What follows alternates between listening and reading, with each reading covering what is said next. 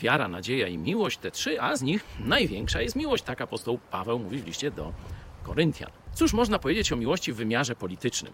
W wymiarze politycznym miłość to oznacza akceptowanie tego, że będziemy różni, że będziemy popełniać brzydkie rzeczy niekiedy, że będziemy no, być może nie spełniać swoich oczekiwań, tak mówię, wiecie, troszeczkę delikatnie.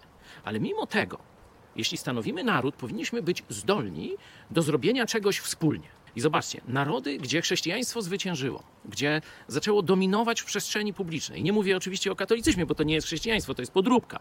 Mówię o narodach protestanckich, że oni się nauczyli działać zgodnie.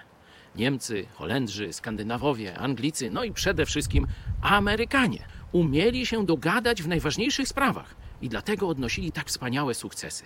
Gdzie dwóch Polaków, tam trzy partie: kłótnia, zwada i warcholstwo. To pokazuje, że nie jesteśmy jeszcze, z naciskiem na jeszcze, chrześcijańskim narodem.